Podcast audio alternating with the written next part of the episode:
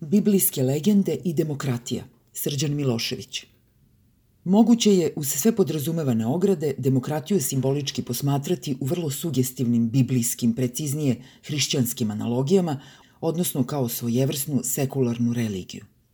Iako je demokratija i u svom ideološkom sadržaju neuporedivo racionalnija od bilo koje vere, ta simbolička analogija može da posluži za vrlo plastično objašnjenje o čemu se u toj sekularnoj religiji zapravo radi – kroz personifikaciju demokratskih institucija, koristeći poznate motive sa kojima društvo živi, evo već 2000 godina, moguće je demokratiju učiniti ishvatljivijom.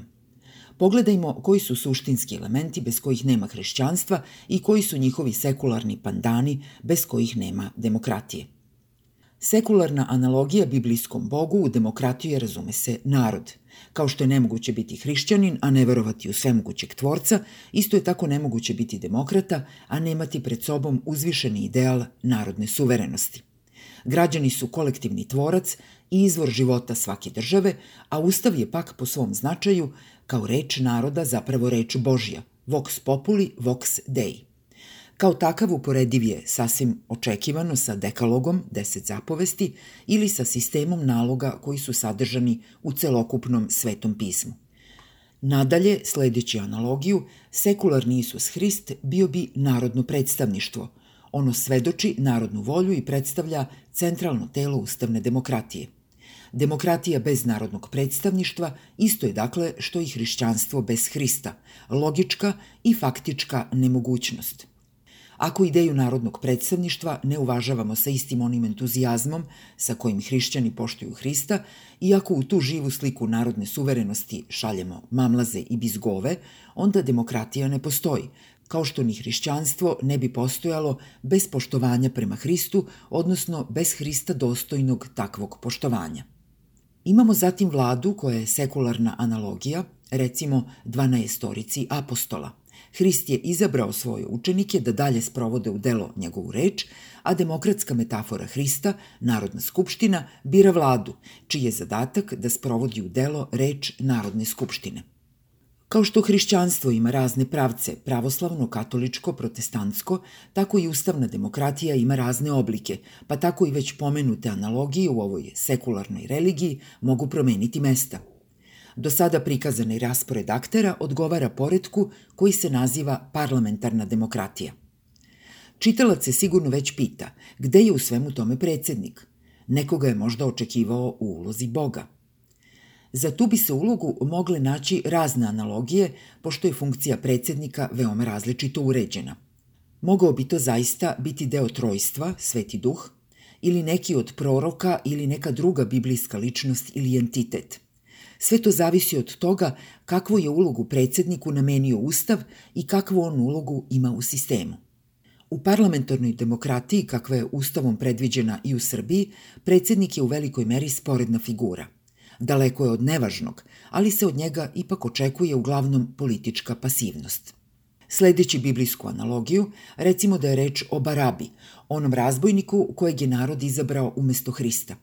Prema Bibliji, izdajući Boga, a u našoj analogiji to bi značilo sebe samog. Baraba ima svoje mesto isključivo kao pretežno pasivni, nesamostalni akter. Nije dakle da nema značaja i nije da ne doprinosi priči, ali smisao pronalazi samo u prethodno izgrađenoj strukturi i od nje je zavisan, kakva je i uloga predsednika Republike u parlamentarnoj demokratiji. Sledeći ovakvu analogiju, nameće se i nekoliko zaključaka – Od hrišćanstva ne bi bilo ništa da je Bog bio nezainteresovan za svet koji je stvorio, kao što ni od demokratije nema ni traga kada se građani, demokratski sekularni pandan Bogu, ne interesuju za svoju tvorevinu, državu. Da je Bog jednostavno poslao svog sina i potom potpuno zaboravio i na njega i na ljude i na svet, kao što građani sebi dopuštaju da zaborave da se staraju o svojoj državi i kao što zaboravljaju na svoje narodno predstavništvo, hrišćanstvo bi se patetično završilo na samom početku raspećem jednog 33-godišnjeg zanesenjaka. Ne bi hrišćanstva bilo ni bez učenja koje Isus Hrist širio, kao ni bez njegovog stradanja – kao što nema demokratije kada Narodna skupština ćuti mrtvačkim mukom i nestaje kao magla u trenutku kada se opravdano očekuje da eventualno podnese neku žrtvu. A i vlada može da praktikuje demokratiju bez Narodne skupštine, baš onoliko koliko bi apostoli mogli da propovedaju hrišćanstvo, nemajući neprestano pred sobom i nad sobom Isusa Hrista i kao zapovest i kao savest.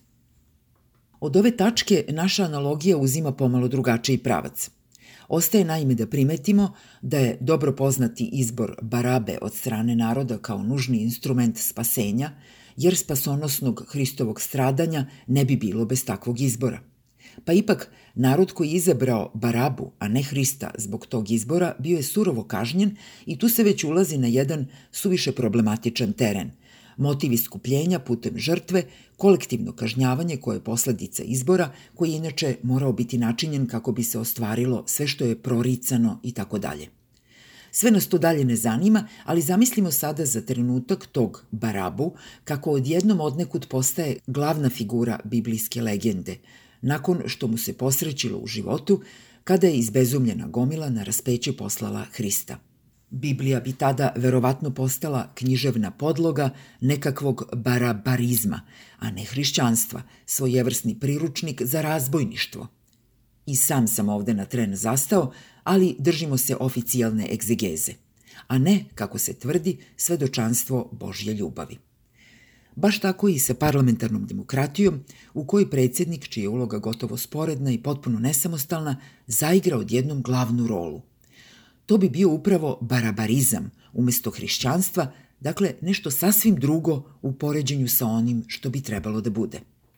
I tu je kraj naše analogije, na sreću, jer za razliku od vere, čije je kvintesenca jedna zakukuljena eshatologija sa previše teoloških zavrzlama, stvarna istorija nije tako fatalistička. Ona milosrdno narodu opetovano daje šansu da se prizove pameti i da ne izabere Barabu.